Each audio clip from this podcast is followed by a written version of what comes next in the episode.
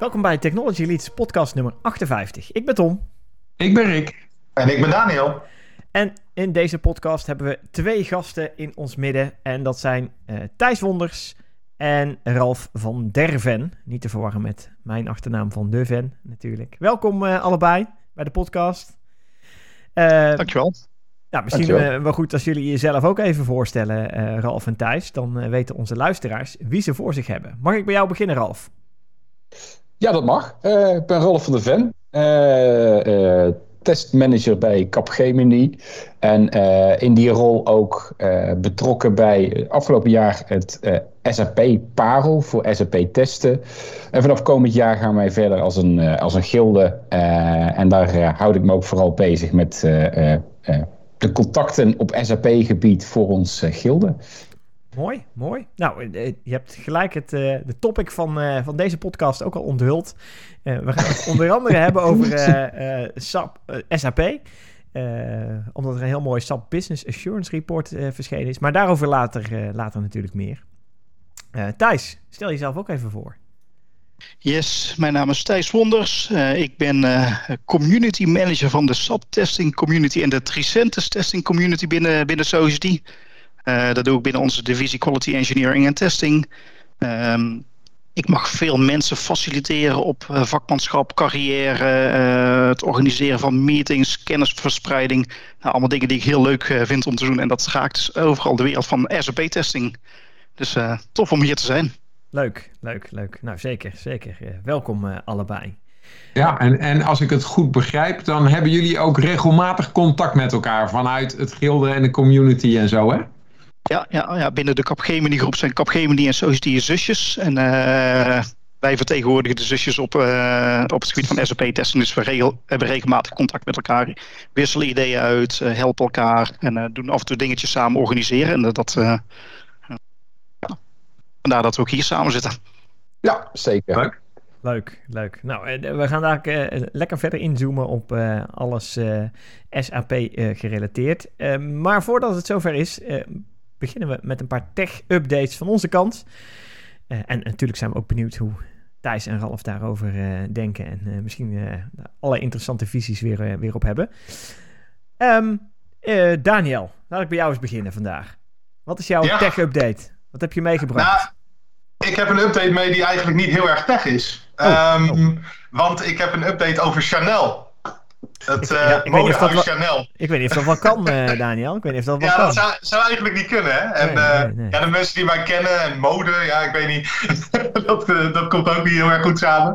maar goed. het is wel, leuk Chanel... dat je, wel leuk dat je speciaal je Chanel shirt en je Chanel tas aangedaan hebt vandaag. Dat vind ik wel leuk. Ja, het is jammer dat de mensen die de podcast luisteren dat niet kunnen zien. Maar echt, Daniel zijn Chanel shirtje en zijn tasje, dat is echt top. En een Chanel zonnebrilletje. ja, ja, ja. en, en als het... Als het geurpodcast was, dan kon je ook Chanel nummer 5 nog ruiken. Dus, uh, maar ik ben nou wel benieuwd wat jij voor een update hebt. Uh. Ja, Zeker. Nou, ik, ik heb, een, uh, ik heb een update over de nieuwe CEO van Chanel. Okay. Of Chanel, sorry. en Chanel, zo goed ben ik erin. Maar er is nu weer een, een nieuwe CEO. Okay. En dat is iemand van, vanuit India. Ja. Okay. En nou zou je denken, dat, dat is niet zo heel bijzonder. Maar dat is eigenlijk ook een beetje mijn nieuwsitem. Dat er ontzettend veel CEO's tegenwoordig zijn die uh, uit India komen. We hebben natuurlijk in het begin, hebben we, ja, dus echt al een tijd geleden, hebben we bij Microsoft Satya Nadella gehad. Mm -hmm. uh, bij Alphabet hebben we uh, een Indi Indiaanse CEO. In, bij Twitter, vorige week volgens mij, of twee weken geleden, is dat ook aangekondigd dat er weer een bij is gekomen. Okay. En het, val, het, valt mij op dat er gewoon ontzettend veel CEO's uit India nu komen. En uh, niet alleen in de tech, waar je, het, waar je het echt wel zou verwachten natuurlijk. Maar dus ook uh, bij Chanel. En ik vind dat best wel een interessante ontwikkeling. Omdat vroeger natuurlijk heel veel CEO's die waren Amerikaans. Uh, en dat was het zo'n beetje. Maar je ziet gewoon dat het nu ook uit andere ja, delen van de wereld komt. En dat is best wel een positieve ontwikkeling, denk ik. En ja, dat vind ik eigenlijk wel, wel mooi aan het nieuwsitem. Dat er gewoon steeds meer ja, mensen van verschillende locaties uit de wereld, zeg maar um, ja, als CEO ja, het bedrijf mogen leiden. En dat vind ik gewoon heel, heel tof om te zien. Dus je, om daarop uh, in te haken. Ja. van de SAP, dat is gewoon een Duitser. Dat is Christian Klein. Uh, maar hij is wel de jongste CEO aan de Duitse beurs met zijn 39 jaar. Wow. Oh, dat is best wel jong, ja. Dat is, een mooie, ja, dat is ook een leuk feitje, inderdaad. Ja. ja, en wat ik me af zit te vragen, Daniel, heeft het er ook niet een klein beetje mee te maken dat er gewoon 1,4 miljard mensen in India wonen? Dus, dus de, de, de, als we gaan kijken naar aantal per inwoners, dan heeft Nederland er misschien wel meer. Hè? Want Shell CEO is ook een Nederlander. Ja, ja. Maar, ja, maar dan ga je verwachten dat Chinese uh, CEO's er heel veel zouden zijn. En volgens mij zitten die jou juist weer niet uh, bij ja, bedrijven in Amerika en dergelijke. Ja, uh, dat, dat zijn ook het algemeen de CEO's van Chinese bedrijven. Ja, ik wou zeggen, maar dat heeft misschien een andere reden dat er weinig Chinese CEO's zijn. Uh, ik kan me voorstellen ja, dat... denk het ook wel. Iets politieks of zo. Ja, ja, ik wou zeggen, dat politiek zal daar een rol in spelen. Maar een stuk diversiteit dus in de top van bedrijven, hè, wat je eigenlijk uh, hier vertelt. Uh -huh. Want ja, je zegt specifiek India. En inderdaad, Rick merkt terecht op 1,3, 1,4 miljard Indiërs. Ja, dat helpt natuurlijk wel dat die dan inderdaad wat vaker aanwezig zullen zijn in internationale bedrijven, hè, multinationals die uh, internationaal opereren. Um, ja, dus diversiteit is een goed ding. En ik denk dat we historisch gezien natuurlijk uh, CEO's hebben bij bedrijven vanuit het land waar ze zijn ontstaan. dat op, op zich ook niet raar is. Hè. Een, bedrijf wat vijf of tien jaar bestaat, uh, zal zijn basis hebben in het land waar het, waar het begonnen is. Maar ja, met, met de expo exponentiële groei die we soms uh, zien in bedrijven, heb je ineens uh, gigantische bedrijven die wereldwijd opereren, maar nog steeds wel de top van het land waar ze zijn begonnen. En ik denk dat je nu ziet langzaam dat dat soort bedrijven nou, 10 plus jaar bestaan, nog wat, wat langer bestaan, waardoor CEO's doorwisselen, de top doorwisselt en je dus, nou gelukkig, diversiteit in die organisaties ook binnen ziet komen. En dat is wel een goed ding. Ja, vind ik ook wel. Ja. En, uh, ja, en, en goed dat het niet alleen bij tech gebeurt, dat het dus ook. Ja, Daarbuiten uh, gebeurt inderdaad. Ja, hoewel, ik zit dan ook gelijk te denken, wat voor tech kan Chanel wel niet allemaal in zijn bedrijf uh, gebruiken? op het, nou, ik kan me voorstellen op het vlak van het ontwikkelen van geurtjes, dat er een hoop tech bij komt kijken. Maar ook bij kleding, stoffen. Je hebt natuurlijk tegenwoordig allerlei soorten tech die in stoffen verwerkt kunnen worden. Dus ja, ik, ik, weet niet wat ze daar doen, maar ik kan me voorstellen dat daar uh, een hoop mogelijkheden ook zijn. Distributie ook. Ik, uh, ik, ik, denk dat daar een hoop tegen bij kijken uh, komt, ja. ja. ja. Zou me verbazen als dat allemaal in Excelletjes gebeurt. alles in SAP. ja, ik denk dat je een goed punt hebt, Ralf, inderdaad. Dat de distributie zal, de wereldwijde distributie van dat soort spullen zal ongetwijfeld goed geregeld moeten zijn. Ja, helemaal waar. Oké, nou mooi. Diversiteit uh, aan de top. Goed, uh, goed, goed punt. Rick, wat is jouw tech-update van vandaag? Nou, zoals jullie weten is er uh, recent een nieuwe coalitie gevormd. En die hebben een coalitieakkoord gepubliceerd. In Nederland, hè? En hebben we het dan toen over. dacht ik, ja, gewoon hier in Nederland. Ja, ja, nee, het ja. kabinet Rutte 4. Yes. Die hebben een coalitierapport gepubliceerd. En toen dacht ik, nou, laat ik eens kijken of daar ook nog wat over IT in staat. En in 50 pagina's coalitieakkoord staat zowaar iets meer dan één pagina over digitalisering. En als ik dat zo lees, denk ik, nou, dat gaat een mooie tijd worden de komende tijd voor, voor IT uh, in het bijzonder, maar ook gewoon voor de mensen in het land in het algemeen. Um, Bijvoorbeeld, en ik lees een paar puntjes maar gewoon even voor. Ja. Nederland wordt het digitale knooppunt van Europa en krijgt robuust, supersnel en veilig internet in alle delen van het land. Nou, dat, dat klinkt al uh, uh, heel erg goed. Uh, ja. Ik denk dat vooral ook mensen die nog geen glasvezelkabel hebben, daar heel blij van gaan worden ben benieuwd hoe snel ze dit voor elkaar krijgen, maar dat is een ander punt. Uh, maar een andere is ook een hele belangrijke. Iedereen krijgt de kans om mee te komen door digitale kennis en vaardigheden aan te bieden in onderwijs en via om- en bijscholen. We pakken digibetisme gericht aan. Nou, en daar nog een uh, heel stuk tekst over. Uh, maar een andere gaat over de bedreigingen. Hè? De inlichtingendiensten uh, moeten gefaciliteerd worden om uh, nieuwe en toenemende digitale dreigingen en aanvallen assertief op te sporen en te bestrijden. Um, en daar staat dan ook een stukje verderop dat het Nationaal Cybersecurity Center, het Digital Trust Center en andere overheden met bedrijven en wetenschappers gaan samenwerken. Dus dat klinkt uh, uh, al best heel uh, vooruitstrevend. Um, en er staat dan ook nog heel mooi: wetenschap, bedrijven, start-ups, scale-ups, kenniscoalities en overheid slaan de handen ineen om de kansen die digitale technologie biedt te verzilveren. Nou, dus ik lees hier en er staat nog een stukje meer in, hè, maar goed, ik ga het niet helemaal voorlezen. Maar er, spreekt wel heel veel ambitie uit. Um, waarbij ik wel een, een, een, En dan ben ik misschien toch een beetje sceptisch, maar dan zie ik ook een paar dingen staan waarvan ik denk: ja, dit heb ik volgens mij wel eens eerder gehoord. Dus ik ben ook wel weer heel benieuwd wat er nu precies anders gaat zijn. Ja, dat is een goed, goed punt inderdaad. En, ik geloof zelfs dat er uh, nog, nog wel meer, wat meer tech in ieder geval in zit. IT en, en tech uh, in het reg, uh, regeerakkoord. Want ook op het vlak van data delen en zo is er wat, wat verteld. Zit natuurlijk ook een beetje in die cybersecurity hoek. Maar wat ik interessant vond is dat er naast de autoriteit persoonsgegevens en een, dat er daarnaast een toezichthouder op algoritmes gaat komen. Een algoritme toezichthouder. Dus dat ja, dat ook wel dat staat ook ergens in die paragraaf. Ja, ja, ja. ja. En die, uh, ook nog met een significant budget. Dus, uh, dus ze kunnen echt wel dingen gaan doen. En uh, ja. En wat verstaan ze daaronder dan? Ja, dat is, uh, dat is een hele goeie. Um, het is natuurlijk een soort van extensie van de autoriteit persoonsgegevens. Tenminste, zo zie ik het wel. Want algoritmes en persoons... Ja, algoritmes gaan doorgaans veel over data. En data zijn bijna altijd weer terug te herleiden naar persoonlijke en privacygevoelige data. Dus, uh, dus die link zal er ongetwijfeld zijn.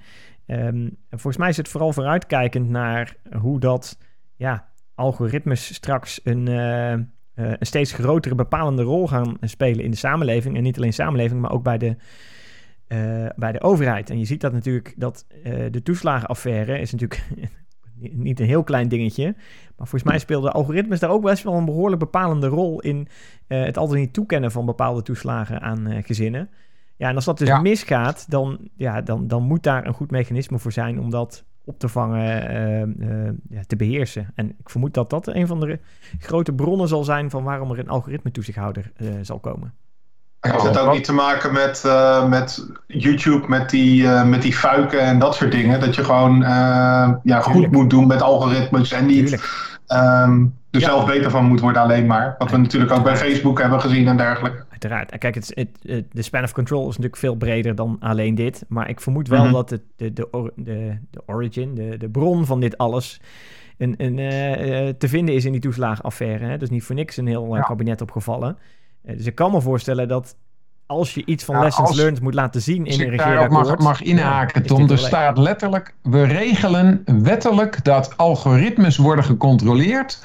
op transparantie, discriminatie en willekeur. Kijk. En een algoritme-toezichthouder bewaakt dit. Dus blijkbaar gaat er wetgeving komen... waar uh, kunstmatig intelligente algoritmes aan moeten voldoen. Exact, ja. En dat wordt wel heel boeiend. Zeker weten, zeker weten. En overigens dat punt wat uh, Daniel aankaartte, staat ook nog in een bijzin genoemd. Er staat, we pakken in Europees verband de marktmacht en datamacht van grote tech- en platformbedrijven aan om de concurrentiepositie van bedrijven en privacy van burgers te verbeteren. Kijk. Dus uh, uh, Google, ja. Facebook en dat soort bedrijven kunnen ook verwachten dat er nog wat gaat gebeuren. Ja, plus dat daarnaast ook nog... Kijk, de deuren worden best wel opengezet voor, voor big tech in Nederland. Uh, ik geloof dat het nu ook weer aan de hand is dat er een enorm datacenter van Meta gebouwd gaat worden ergens uh, in Nederland. Zeewolde. Zeewolde. Zeewolde. Ja. En uh, ja, de, de, de, ik bedoel, wie, wie besluit zoiets, zoiets gigantisch te laten bouwen, zeg maar? Hè? Want dat is, dat is ook een hele discussie. En wat gaat daar dan in plaatsvinden en wat gebeurt daar dan in? Ja, dat linkt ook allemaal weer aan uiteindelijk aan data, hè, wat, in het uh, regeerakkoord staat, data delen en, uh, uh, maar ja, dus ook de grote datacenters en de, de bijbehorende big tech bedrijven die daar weer aan gelinkt zijn. Ja, hoe, hoe, hebben die een plek? En is dat dan iets wat een regio inderdaad kan bepalen of moet dat op ja, nationaal niveau bekeken worden? Nou, het zijn allemaal wel, wel dingen die je nou ja, in ieder geval een plek ik, hebben in het regeerakkoord. Ik denk dat dat precies, daar, daar, ik vind het sowieso goed dat het regeerakkoord uh, van de 50 pagina's toch nou, laten we zeggen, uh, iets van 3% van het regeerakkoord gaat puur over Mhm. digitalisering. Nou, dat is in ieder geval uh, een stuk beter dan een paar decennia geleden. Toen er gewoon in de Tweede Kamer eigenlijk niemand zat die er überhaupt iets over nagedacht had. Eens, eens, ja. Ja, nou ja, goed. Dus, uh, ik denk dat het met de huidige digitalisering van de samenleving misschien nog wel een paginaatje aan had kunnen gewijd worden. Uh, maar goed, het is winst. Dus uh, ja, laten we hopen dat het goed uitpakt. Kleine stapjes, hè? Kleine stapjes, zo is dat. Daarom, daarom. En Tom, wat heb jij meegenomen? Ja, nou, het is eigenlijk wel leuk, want ik, ik wist natuurlijk niet wat voor tech-items jullie hadden. En we gaan van uh, global diversity uh, van Daniel naar uh, nationaal niveau regeerakkoord. Naar, nou, en ik hou het dan heel erg dicht bij huis. gewoon in mijn woonkamer, zo'n beetje. Oh. Naar tv's. Ik heb een nieuwe tv aangeschaft. Sterker nog, die heb ik gisteravond besteld en vanochtend was hij al binnen. Zo snel kan het gaan. Dus als je het hebt over, uh, uh, uh, weet het, waar Ralf het net over had, distributie en zo. Hè, dan, het is een knap staaltje distributie. Het zal vast een SAP-systeem zijn geweest. Dat, ja, ja het, hij komt bij onze blauwe vrienden vandaan. En ik geloof vast dat hij daar, dat hij daar iets mee doen, inderdaad. Um, maar sowieso knap staaltje tech daarachter en, en mooie updates. Want ik had inderdaad gisteravond besteld en vanochtend, voordat ik wakker werd was er al een berichtje, want dat zag ik toen ik aan het ontbijt zat, uh, hoe laat ze kwamen. Nou ja, de, waanzinnig hoe snel dat kan gaan. En uh, inderdaad, de goede man die in het busje zat, uh, belde me ook nog op van tevoren dat hij er over 10 minuten zou zijn. Nou, het kon niet beter. Knap staaltje distributie, maar daar gaat het me eigenlijk helemaal niet over. maar ik had dus een tv uit zitten zoeken, een nieuwe. En ik was eigenlijk beland in de battle van LED-tv's of LCD-tv's versus OLED. LCD versus OLED-tv's. En ja, dat is tegenwoordig waar je in zit. Je, ja, je kunt je nog gaan discussiëren of je 4K of 8K of allerlei, allerlei andere, andere uh, details uh, je mee bezig wilt houden. Dan geloof ik persoonlijk niet dat we 8K-tv's op korte termijn heel erg nuttig gaan inzetten. dus, dus, de, dus die battle was snel beslecht. Dus we resten mij alleen nog maar de keuze te maken tussen OLED en LCD. En eigenlijk had ik in mijn hoofd zitten dat op dit moment OLED het allerbeste is wat je kunt krijgen aan tv. Dus ik, ik ben benieuwd. Wat, hoe denken jullie? Wat denken jullie? Is dit uh, eens, oneens? Uh, volgens mij is OLED in ieder geval de nieuwste technologie. Oké, okay, oké, okay, ja. Niet per se de beste dus, inderdaad, ja. Andere meningen nog, de heren? Volgens mij hoor ik altijd wel dat het uh, het beste is, omdat het een hele ja, dat, dat OLED in ieder geval altijd zwart is echt zwart, zeg maar. En ja. uh, bij LED is dat ietsjes anders. Zeker, zeker, klopt. Ja, uh, dat, is, dat is een heel duidelijke plus voor, voor OLED inderdaad. Zwart is echt zwart. En dus ik dacht ook, nou, dan, dat, dat moet OLED worden, kan niet anders. Maar als je dan een beetje verder gaat inlezen en reviews gaat lezen, dan, dan ja, kom je toch tot een ander beeld en een ander inzicht. En dat vond ik wel interessant. Want het gaat er eigenlijk om wat je ermee doet en wanneer je dat doet. Dus er zijn best wel wat factoren die bepalen wat je keus gaat zijn voor tv. Uh, zo is inderdaad OLED zwart-zwart. Alleen uh, in een dagsetting, of in ieder geval wanneer er nog relatief veel licht is, is OLED qua, qua contrast en lichtopbrengst de mindere van de LCD. Uh, dus wil je ja, de hele dag door tv een beetje behoorlijk kunnen kijken, dan gaat toch over het algemeen de voorkeur uit naar goede LCD's. Um, wil je, heb je inderdaad een hele mooie bioscoopsetting of kan je de boel goed verduisteren? Ja, dan is de keuze voor OLED al snel gemaakt, want dat is echt de beste bioscoopervaring eigenlijk die je kunt hebben. Plus dat OLED zorgt voor veel plattere, veel dunnere tv's. Dus als je hem aan de muur hangt, ja, dan, dan is het slecht millimeterwerk, zeg maar, wat, er, wat erop komt te hangen. Dus hartstikke gaaf. Nou, in mijn setting is het zo dat er ook nog behoorlijk op uh, gegamed wordt met consoles. En uh, te pas en te onpas de tv aangezet zou kunnen worden. Nou zeg ik niet dat de hele dag bij ons de tv aanstaat, helemaal niet. Maar ja, zeker in de zomer, aan het einde van de dag wordt er ook wel eens tv gekeken of een, een gamepje gespeeld. En eigenlijk in al die settings, games, snelle beelden, sport-tv kijken bijvoorbeeld ook. En, en iets met meer licht tv kijken, dan wint de LCD-tv het van de OLED-tv. En ja, dan is het enige wat je nog moet zoeken is een LCD-TV met een goede hogere refresh rate en nog wat andere dingen. En dan is dat de betere keuze, maar die is ook verreweg het goedkoopst, viel mij op. Want ik dacht, nou, dit gaat mij een flinke investering kosten voor die geweldige thuisbioscoop. Maar dat viel me dus alleszins mee. Natuurlijk is LCD-technologie al ja, is er al een tijdje. Dus dat, eh, eh, ja, dat maakt de keuze ook weer, eh, of dat maakt die, die, die stap makkelijk. Ehm, en als laatste is eh, energiegebruik. Dat was de enige andere nog die ik eventueel nog voor ogen had. En OLED is zuiniger. Maar met goede LCD-technologie en niet op zijn allerfelst te zetten, dat je een soort zon aan hebt staan in je woonkamer, eh, valt het eigenlijk ook wel mee. En eh, ja, zeker met de hippe technologie tegenwoordig, die je gewoon delen van je scherm uit kan zetten, eh, zodat ook zwart, nou bijna zwart is, Daniel, net niet helemaal zwart. Ben ik toch bij LCD weer uitgekomen. Dus nou, ik, En nu, nu had je geld over en heb je een aantal extra inches genomen natuurlijk. Dus nu is hij 100 inch. nee, niet eens. Niet eens. Nee, nee, nee. Zo, zo, zo gek heb ik het niet gemaakt. Eh, nee, nee. Ik ben heel, eh, ben heel bescheiden formaat gebleven.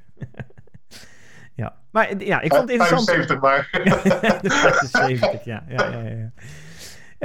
Nee, ja, ik vond het in ieder geval interessant, want ik had eh, zoiets, oh, nieuw, nieuwste technologie, go, go, go, eh, OLED, alles erop en eraan. En eigenlijk wat Rick net zei is eigenlijk helemaal waar. Ja, dit is de nieuwste technologie, maar ik moet mezelf dan af en toe ook een, een beetje afremmen daarin. Van ja, nieuwste is niet altijd het beste, want hè, de kinderziektes en eh, een beetje een stukje doorontwikkelen, ja, dat leidt soms tot een hele hoop leuke inzichten. Dus ik vermoed dat in, op termijn OLED inderdaad wel eh, de meerdere gaat zijn. Maar ja, voorlopig nog even niet. Dat gezegd hebbende aan tech-updates, eh, laten we naar het onderwerp van vandaag stappen. Er is een mooi rapport verschenen. Het SAP Business Assurance ra- Report. SAP of SAP, wat moet ik zeggen? In Nederland mag je het beide zeggen. Ah, Buiten de landsgrens is SAP beter. Dus als je het goed wilt zeggen, dan zou je SAP moeten zeggen. Maar in Nederland luisteren we ook heel goed naar SAP. Want Ah, dat kennen we in Nederland best goed. Nou, fijn. Fijn dat dat eindelijk is opgehelderd. Eh, ik, eh, ik weet dat, eh, dat Daniel hier al heel lang mee zat. Dus de, die, die vraag hebben we nu gesteld. Ja, je hoort in het Engels wel SAP voorbij komen, maar dat is echt fout. Oh ja, ja, ja. oké. SAP, nou laten we dat goed, goed blijven gebruiken. Een SAP erbij nemen, inderdaad. Voor, voordat we een beetje naar het rapport gaan kijken. ehm, ja, eh, misschien ook heel even iets over SAP zelf en over het imago van SAP. Misschien wel een goeie. Eh, Ergens leeft bij mij toch dat SAP een stoffig imago heeft. Maar kunnen jullie dat stoffige imago even lichten? Want eh, ja, er gebeurt ontzettend veel Ah. op dit vlak. Dus het, het kan niet zo zijn dat dit een stoffig imago heeft. Nou, ik snap dat volledig, Tom. Als je ooit een keer met SAP in aanraking komt, dan zijn dat niet zo heel mooi ogende schermen. Met rare transactiecodes. Het gaat nog best traag ook. Ai, Dus voor veel mensen is de eerste aanraking met SAP is niet zo heel cool. nee. Eh, maar als je daarachter kijkt, wat, wat zit erachter? Hè? Want, want SAP is gewoon een van de grootste IT-bedrijven, softwarebedrijven van de wereld. Exact. Eh, het zit op logistieke HR-processen, financiële processen. Bijvoorbeeld eh, 70% van alle financiële transacties gaat door SAP heen. Als SAP stopt met werken of niet goed werkt, dan, ja, dan komt jouw tv niet binnen. Dan eh, kun je je potjes pindakaas niet in de supermarkt kopen. En eh, moet eh, de grootste melkfabriek van Nederland Mhm. moet de riolering openzetten om de, om de melk te lozen. Ja. En ik denk dat daar het, het sexy karakter van SAP achter zit. Maar ja, het, is niet. ah, het wordt visueel beter met, met, met updates in de wereld van SAP. Maar van oudsher, veel mensen komen in aanraking met, met toch wat stoffige schermen. Ja. Nou, ja, ja. Declaraties en zo, eh, waarvan je denkt van, nou ja, dat, eh, dat zijn vaak ook wel SAP-systemen. Dat, dat zijn inderdaad niet de, de meest eh, vooruitstrevende. Maar als SAP binnen Society niet zo goed zou werken, had jij je tv nooit kunnen kopen, want was je salaris niet op tijd gestort. Oké, oké, oké. Ja, ja, ja, ja, ja, ja. Ja, dat is een goed punt inderdaad. Ja, dat Ja, is nu, wordt het sexy, hè? Ja, zeker. Nou, zeker. wat, want kun je daar eens iets over zeggen? Hoeveel processen er überhaupt in de wereld via SAP-software lopen? Want volgens mij is dat mega veel. Ik heb daar zo zelf geen concrete getalletjes bij, maar eh, er loopt behoorlijk veel via SAP-systemen, ja. Vooral de, de nieuwere versies, de, de, daar zit ook veel meer eh, mobile apps en dergelijke achter. Dus er zit heel veel, als je het hebt over distributiesystemen die we eh, eh, vandaag al aanhaalden, eh, daar zit heel veel wat via SAP zal lopen. Absoluut, urendeclaraties, eh et cetera, et cetera. Eh, maar concrete percentages heb ik zo niet voorhanden. Misschien, Ralf, kan jij ondertussen alvast eens een introductie op het SAP Business Assurance rapport geven? Ja, absoluut. Uh, zeker. Um, dat is een rapport wat in de loop van, uh, van vorig jaar is gemaakt. De samenwerking tussen Tricentis, Society en Capgemini. Um, en wat ze daarvoor hebben gedaan, sommigen van jullie zullen het World Quality Report wel kennen. Um, ja. En dit is eigenlijk eenzelfde soort rapport, maar dan specifiek gericht op SAP-testen. Um, dus er is een, een uh, onderzoek gedaan en er is nog een enquête overheen uh, uh, gegaan naar, ik haal er gewoon even wat getalletjes bij, 759 respondenten over 17 landen en 5 continenten. En op basis van de resultaten daarvan zijn er ook nog wat expert-reviews uitgevoerd. Dus het is best wel een groot, breed opgezet onderzoek. Verschillende thema's van SAP. Um, en dat rapport geeft dan dus weer wat de resultaten zijn van uh, dat, dat onderzoek in, in behapbare vorm en vooral behapbare plaatjes. Uh. Ja, ik ben benieuwd naar voor uh, overzicht. Biedt ons juist de business assurance kant van SAP. Daar kan ik wel een toelichting op, op geven. er zijn verschillende richtingen um, verschillende onderwerpen, kan ik beter zeggen, waarin uh, het rapport onderzoek doet. Mm -hmm. Dat is een stuk SAP-omgeving. Uh, dus kijkend naar de, de grote updates, vooral met betrekking tot wat dan S4HANA wordt genoemd. En dat is eigenlijk de grote nieuwe versie van SAP. Als ik het even heel plat sla. Um, een stuk SAP Business Assurance uh, Trends. Uh, en dat kijkt vooral naar het, de risico's en de complexiteit van de huidige systemen. Uh, SAP, het automatisering, dus dat is testautomatisering, dat spreekt redelijk voor zich, denk ik. Ehm, SAP Business Assurance Challenges. Uh, dus wat, wat zijn de risico's en wat is de impact voor de organisaties met betrekking tot end-to-end processen? En dan vervolgens nog consumentenverwachtingen.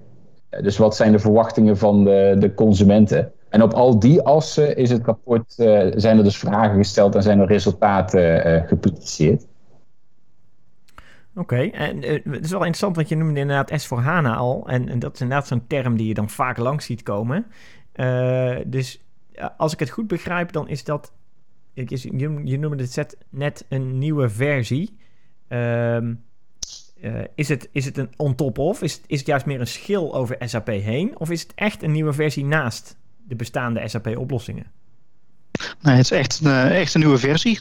Dus we, hebben het vaak over de digital core van SAP. Uh, eh, en het oude SAP ECC gaat vervangen worden. En dat wordt nog door SAP ondersteund tot 2027. Uh, eh, maar vanaf die tijd moeten organisaties dus over zijn naar S4HANA-omgevingen. Of accepteren dat ze heel veel betalen om nog ondersteuning van SAP te krijgen. Ja, want dan worden het eigenlijk een soort custom oplossingen als in ja, de support, zeg maar, die ze dan gaan doen. Ja, ja oké. Ja. Oké, dus, dus, dus eigenlijk is gewoon alles wat nu gebeurt is S4HANA. Mag je dat zo stellen?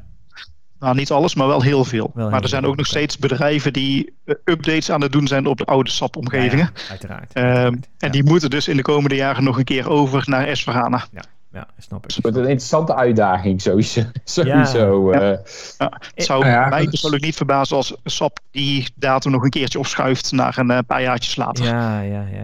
ja, ja. en dan nemen ze daar al een enorme tijd voor. Want, want als ik het goed heb, dan bestaat uh, S4 HANA ook al meer dan vijf jaar.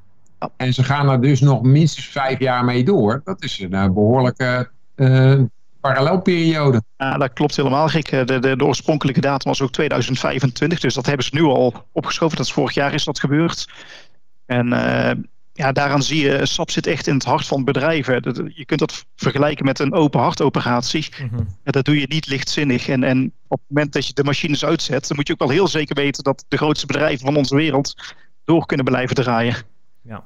Ja, omdat het natuurlijk volledig het, het businessproces van een bedrijf, echt de core business, uh, uh, ja, bestuurt als het ware. Hè? Dat is, ja. En ik zag inderdaad, of je zei het net al volgens mij Ralf, dat het gaat er nu om dat inderdaad bedrijven klaar moeten zijn voor die transitie naar S4HANA. Hoe, uh, gaat het rapport daar ook nog verder op in? Van hoe, hoe moet je daarop voorbereiden? Want dat is het natuurlijk. Hè? Je moet een soort voorbereidingstraject ingaan om, nou, als je het vergelijkt met een open hart operatie, ja, dat alles, alle randzaken allemaal eh, klaar zijn om die open hartoperatie zo kort mogelijk te laten duren. Ja, nou, het, het gaat niet zozeer, eh, het, het, geeft geen roadmap naar eh, hoe zou je dit allemaal moeten gaan implementeren. Ik denk dat daar voor onze organisaties als Society en Capgemini juist ook een mooie uitdaging ligt om, om bedrijven daar verder in te helpen. Mhm. Het rapport geeft wel inzicht in waarom ehm, juist die transitie al zo lang duurt en een aantal keer is opgeschoven. Ehm, als je bijvoorbeeld kijkt naar, naar eh, ehm, niet-SAP-applicaties en, en de methodologieën die daarvoor gebruikt worden, daar zie je al echt een transitie naar Agile DevOps, kortcyclisch werken, et cetera, et cetera. Eh, en wat het rapport heel mooi weergeeft, is dat juist in een SAP-omgeving uh, bovengemiddeld vaak nog waterval wordt gewerkt, eh, eh, of een, hoogstens een hybride aanpak. Dus het is nog veel eh, conservatiever, zou ik bijna zeggen, in, in werkwijze en methodologie. Wat naar mijn mening zo'n transitie naar dat nieuwe S4-systeem eh, ook niet verder helpt. Want, want bedrijven zijn daardoor zeer meer huiverig om die stap daadwerkelijk te gaan maken. Want als het impact heeft, dan is de volgende release pas weer over een half jaar formeel.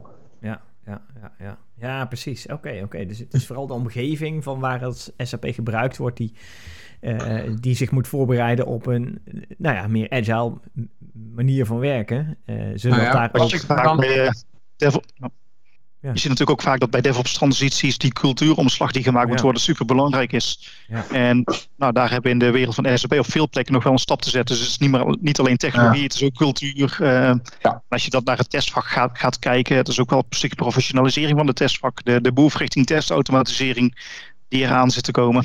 Ja, Dat zijn allemaal aspect- aspecten die samenkomen. Ja, en als je het over cultuur hebt natuurlijk, is SAP ook een Duits bedrijf. En als we kijken met, naar de gang naar de cloud, was Duitsland natuurlijk ook best wel...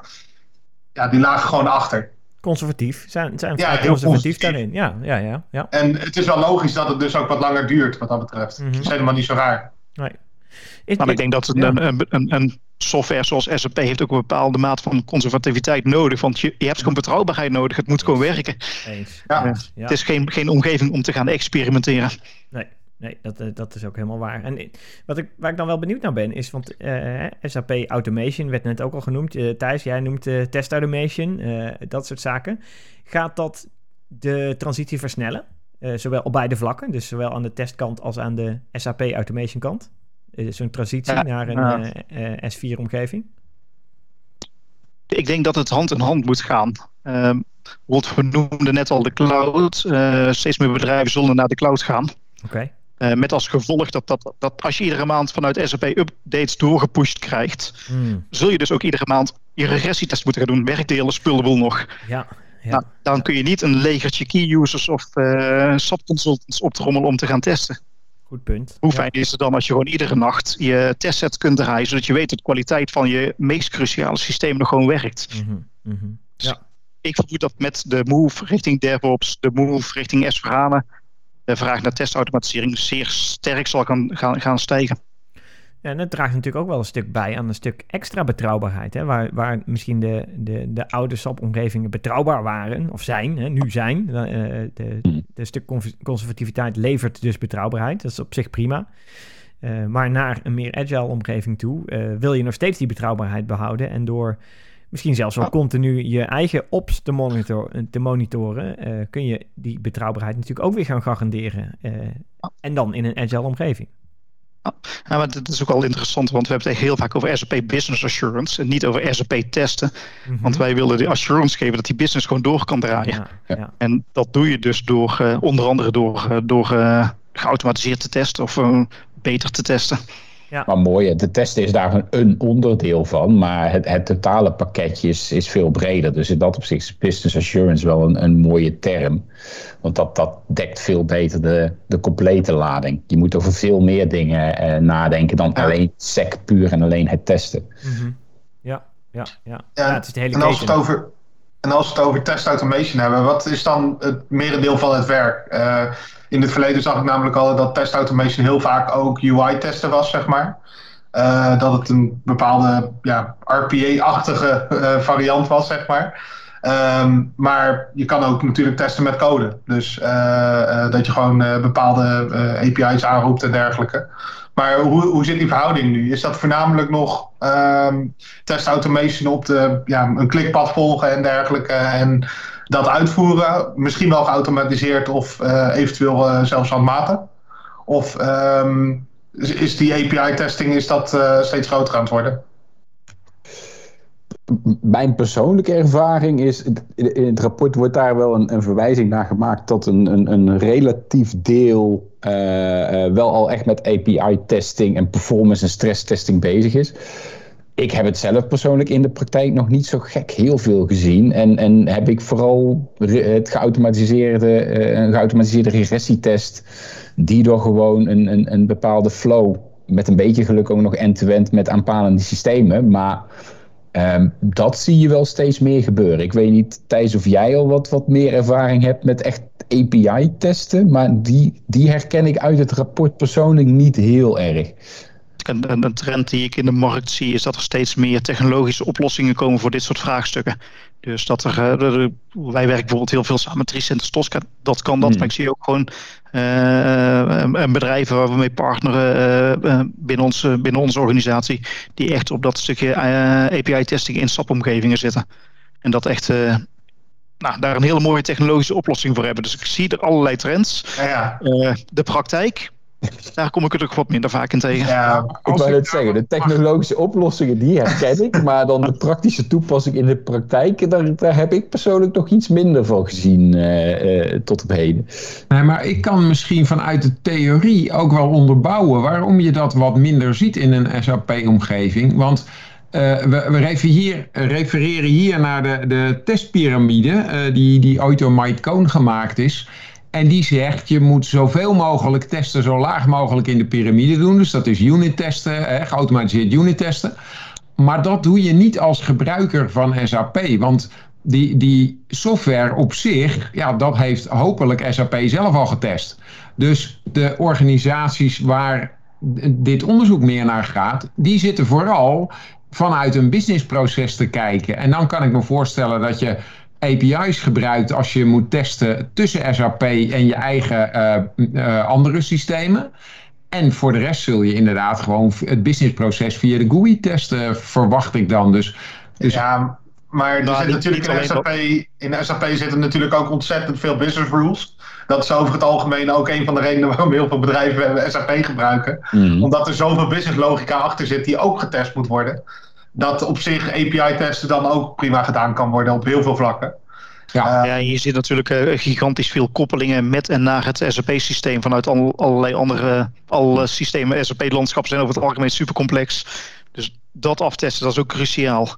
Custom-made dus oplossingen. Dus. Ja, en dan ook nog auditing, daar moet je ook heel erg over nadenken. Hè? Want dat is in, in zulke gevallen ook ontzettend lastig omdat je, ja, al die SAP-omgevingen hebben natuurlijk uh, auditlogs en dergelijke. En je wil met testen natuurlijk niet in één keer hebben dat die auditlogs uh, bepaalde data meenemen van je testen. Dus uh, dat soort dingen, dat is, dat is best wel belangrijk in zulke gevallen. Dus ik kan me dus ook wel voorstellen dat het lastig is hoor. Ja, aan zich uh, heb je gelijk Rick. Als het, uh, in de meest ideale situatie zou je je SAP-systeem uh, eh, krijgen. En dan krijg je een update op. En dat is gewoon een vaststaand gegeven. En daar ga je mee aan de slag. Maar de praktijk is wat, wat weerbarstiger over het algemeen. Maar wat je wel ziet, hè, wat, wat, Rick, wat ik ook wel bij Rick in zijn verhaal hoor. Wij zijn heel vaak in gesprek met de business over dit soort oplossingen. We hebben het niet voor niks over business assurance. Dus misschien zijn we in de SAP-omgeving nog wel meer met de business in gesprek dan met echt IT-afdelingen. Eh, over hoe ga je nou die businessprocessen waarborgen? Hoe ga je die nou uh, ja, uh, de garantie, of ja, de garantie geven, de, de, de, de, vertrouwen geven dat de kwaliteit hoog is en hoog blijft. Ook al komen er wijzigingen.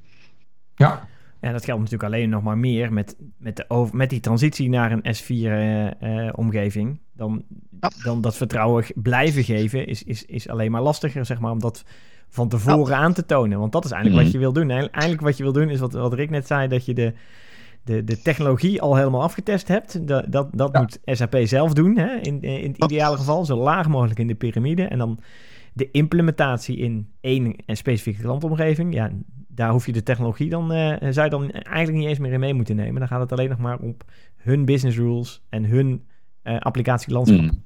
Ja, en end-to-end processen, dat zie je ook heel vaak terug. Ja. Dus, uh, ja. Ja, dat is, dat is Order to cash. Een, een, een, mooi bruggetje naar, naar een ander stukje uit het uh, rapport. wat je veel ziet vooralsnog in, in SAP-omgevingen, is dat het, de functionele consultants ook testen. En ook weer het meest ideale geval, als je een SAP-systeem opgeleverd krijgt, wat eigenlijk al gewoon werkt zoals het zou moeten werken, dat wordt geïmplementeerd en dan gaat de functioneel consultant dat even controleren en dan gaat het naar key user. Maar in de praktijk werkt het allemaal net wat anders. Dus waar je ook nog wel een, waar een deel van de koudwatervrees voor de migratie, naar mijn mening, ook vandaan komt, is dat die key users regelmatig met een stuk software aan de slag gaan. Wat weliswaar door de functioneel consultants getest is, maar niet door een dedicated testteam. En die vissen er vervolgens nog allerlei fouten uit. Bijvoorbeeld in een end-to-end proces, waardoor het vertrouwen weer daalt in het product. Ja, en dat zorgt er wel voor dat ik snap dat bedrijven wat koudwatervrees hebben om te zeggen van we gaan naar een hele grote nieuwe versie. Daarin gooit alles helemaal beter.